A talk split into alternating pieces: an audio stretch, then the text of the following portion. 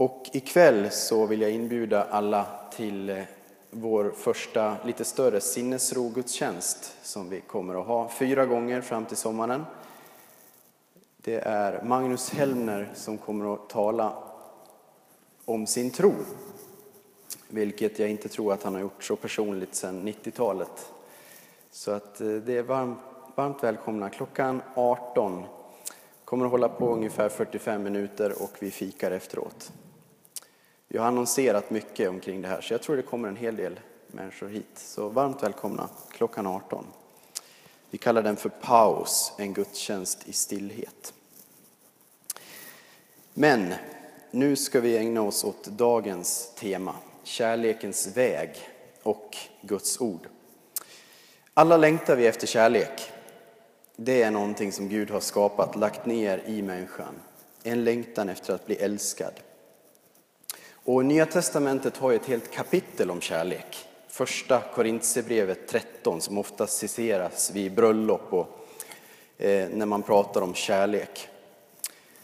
Saknar man kärlek så har man egentligen ingenting, säger det kapitlet.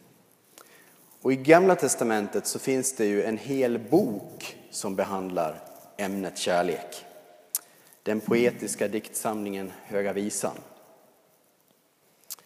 Och den finns faktiskt även i Koranen. Och enligt tradition så är det kung Salomo som är författare. Kanske är han mannen i den här beskrivningen som har blivit förälskad i en landsortsflicka. Eh, det är vad legenden säger. Hur som helst så är det en beskrivning av en kärleksrelation mellan en man och en kvinna. Det som Peyam nyss sjöng för oss här. Men att den hamnar i den judiska bibeln, det är nog för att man tolkar den här kärleksrelationen allegoriskt. Eh, som en Guds kärlek till folket Israel. Och det, var även, eh, det är även en av de böcker som de tidiga kyrkofäderna citerade allra flitigast, just från Höga Visan. För man hade ju inte Bibeln i den tidiga kyrkan på det sätt som vi har idag. Och Höga Visan gillade man. Och frågan är varför man gjorde det. Det är en fråga vi ska ställa oss idag också. Varför gillar man just Höga Visan? Varför ligger den här gammaltestamentliga boken så nära det nya testamentet? Och upplägget för idag det är att vi tittar bit för bit i texten och så jämför vi den med Nya testamentet. Hur beskrivs kärleken? Vilken bild av Gud träder fram? Och hur kan vi gensvara på den här bilden av Gud som framträder i den här texten?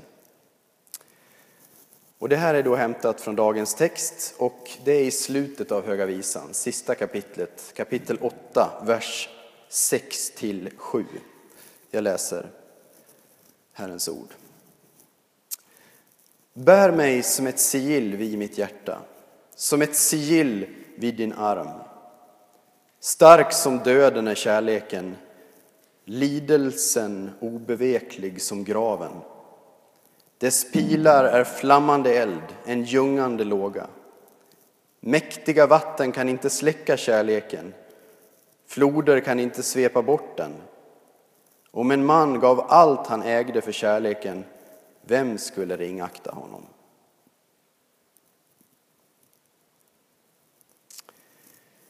Vi börjar i vers 6. Bär mig som ett sigill vid ditt hjärta, som ett sigill vid din arm. Kvinnan ber att få bli identifierad med mannen, enad med honom på det mest intima sättet.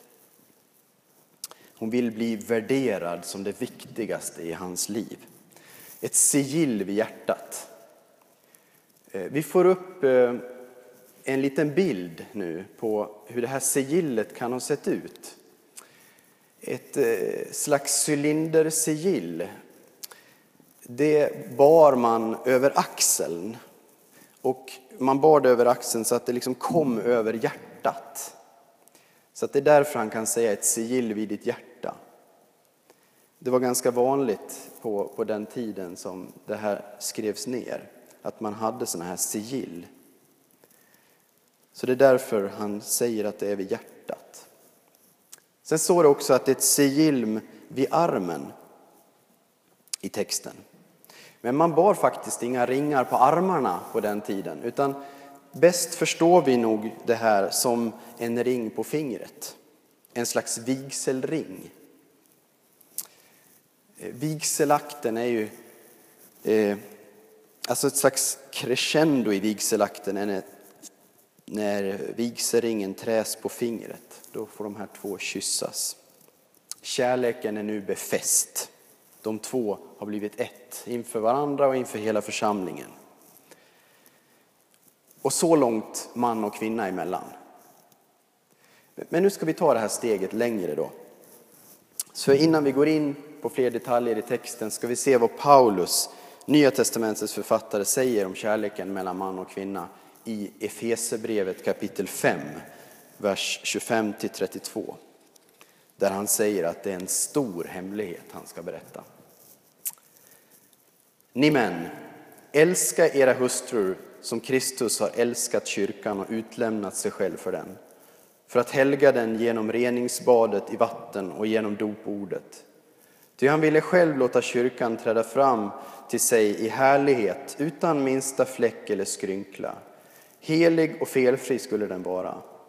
På samma sätt är det också mannen skyldig att älska sin hustru som sin egen kropp. Den som älskar sin hustru älskar sig själv, ty ingen har någonsin avskytt sin egen kropp, utan han ger den näring och sköter den så som Kristus gör med kyrkan. Vi är ju delarna som bildar hans kropp. Därför ska en man lämna sin far och mor och hålla sig till sin hustru, och de två ska bli ett. Detta rymmer en stor hemlighet. Här låter jag det syfta på Kristus och kyrkan. Den här mänskliga kärleken mellan de här två, mannen och kvinnan, det är egentligen en bild på någonting större. Ringen på fingret befäster kärleken mellan de två. Det är en kärleksrelation som är för evigt mellan Kristus och församlingen. Vi ska läsa från Andra Korintierbrevet 1 och 22 när han går in på just det här med befästandet. Det är Gud som befäster både er och mig i tron på Kristus och som har smort oss. Han har satt sitt sigill på oss och gett oss den helige Ande som en borgen i våra hjärtan. Märker ni likheten med texten i Höga Visan? Han har gett oss ett sigill, en borgen i våra hjärtan. Den helige Ande har han gett oss. Och i Romarbrevet 5 och 5 så står det om, och hoppet sviker oss inte, ty Guds kärlek har ingjutits i era hjärtan genom att han har gett oss den helige Ande. Hjärtat, befästningen, sigillet, det har getts oss genom den helige Ande i det nya förbundet. Om du säger ditt ja till Jesus så har du fått en ring på ditt finger. Du är nu inte längre dig själv bara. Du är ett i Kristus. Precis som mannen och kvinnan inte längre bara har sitt eget liv att tänka på så har du en förening med Kristus där du säger ditt ja till honom.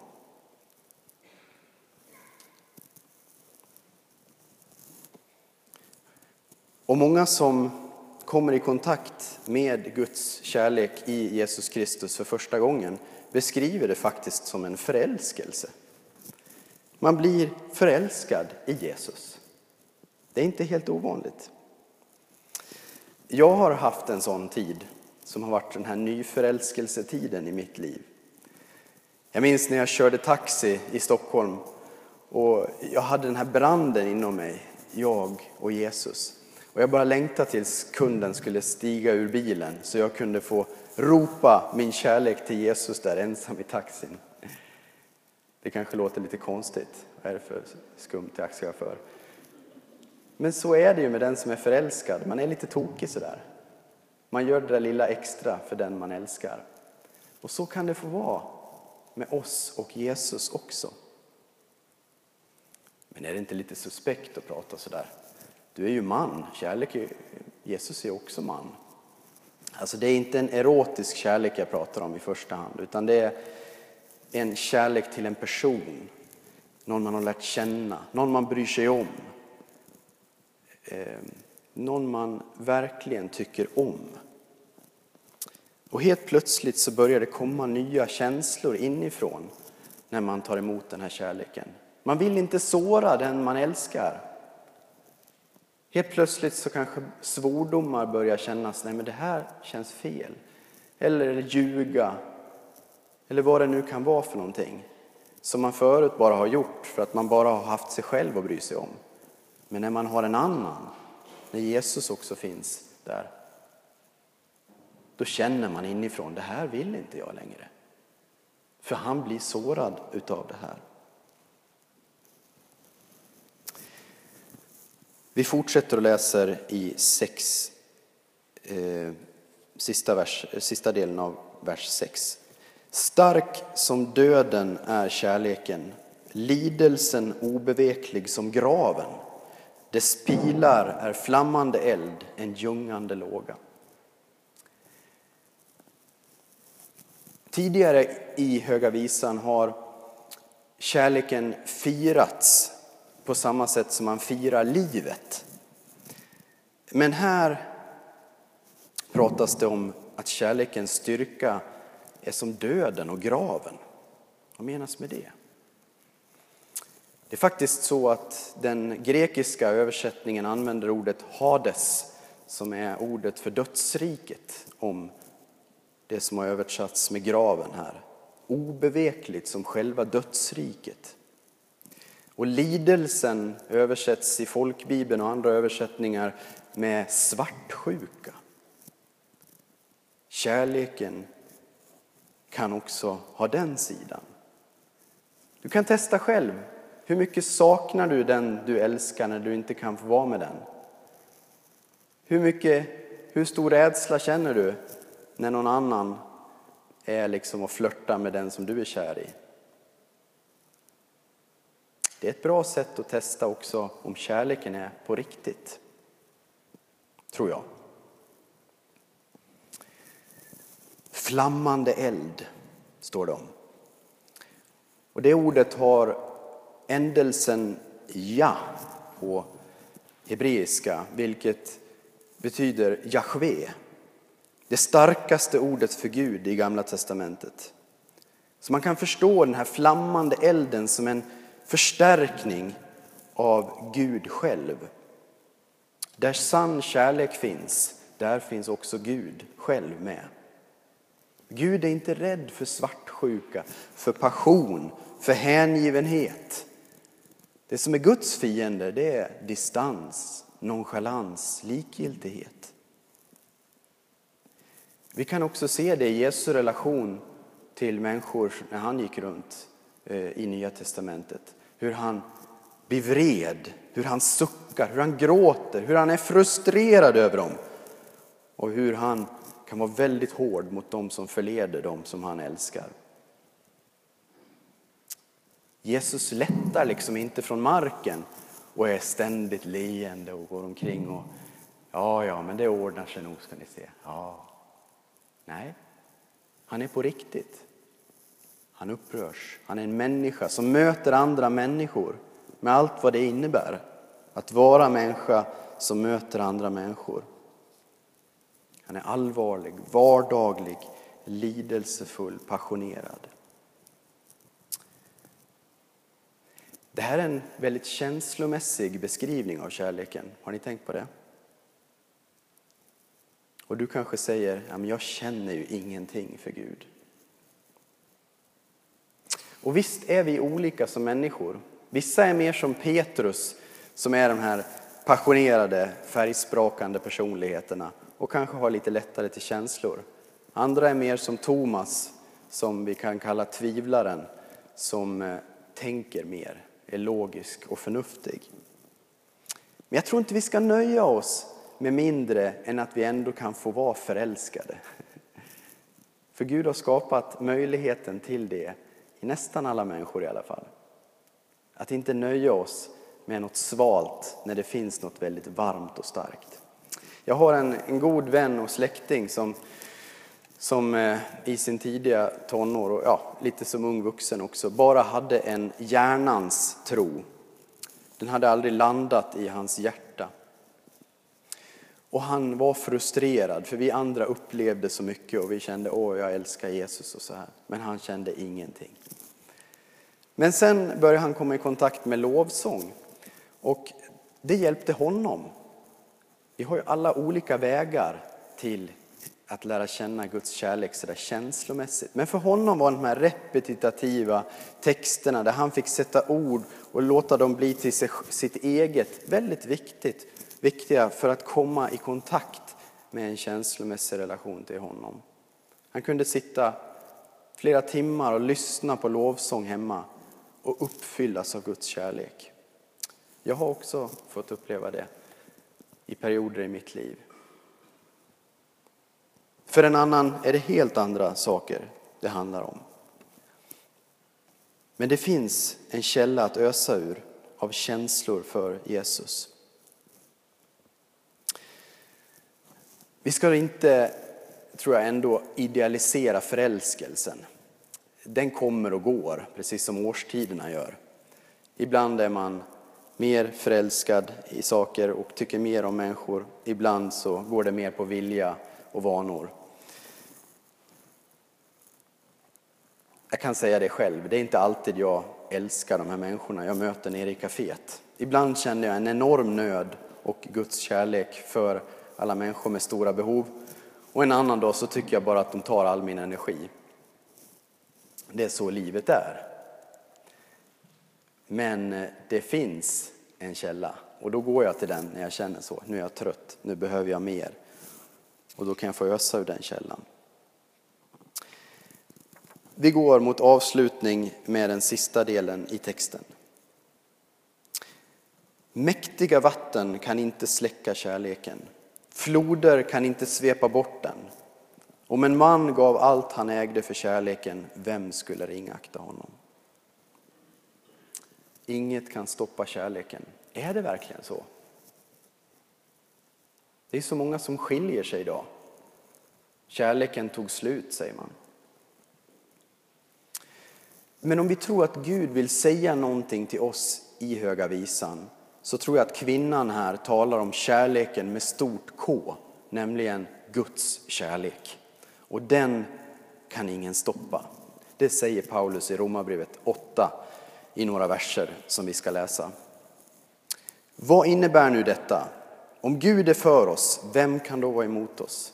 Han som inte skonade sin egen son utan utlämnade honom för att hjälpa oss alla. Varför ska han inte skänka oss allt med honom? Vem kan skilja oss från Kristi kärlek? Nöd eller ångest, förföljelse eller svält, nakenhet, fara eller svärd? Nej, över allt detta triumferar vi genom honom som har visat oss sin kärlek. Ty jag är viss om att varken död eller liv, varken änglar eller andemakter, varken något som finns eller något som kommer, varken krafter i höjden eller krafter i djupet eller någonting annat i skapelsen ska kunna skilja oss från Guds kärlek i Kristus Jesus, vår Herre. Det här är kärlekens väsen. Den går inte att stoppa. Det här vet fienden, som Bibeln kallar för djävulen. Han kan inte älska och därför vill han så hat och skapa splittring. Och vi ser det runt om i vår värld idag hur en, ett hat tyvärr växer sig starkare mot främlings, främlingar, de vi inte känner igen. Och här tror jag att vi som kristna behöver vara en motkraft precis som Jesus var på sin tid och är det fortfarande än idag. Att jobba för enhet, att verka för kärleken. Men jag har ingen sån kärlek i mitt hjärta, säger du. Jag har sånt behov själv av att få vara älskad. Du är inte ensam. så känner vi alla innerst inne. Vi behöver kärlek först. Och därför så säger Johannes så här i kapitel, första Johannes kapitel 4, vers 9-10. Så uppenbarades Guds kärlek för oss. Han sände sin enda son till världen för att vi skulle få liv genom honom.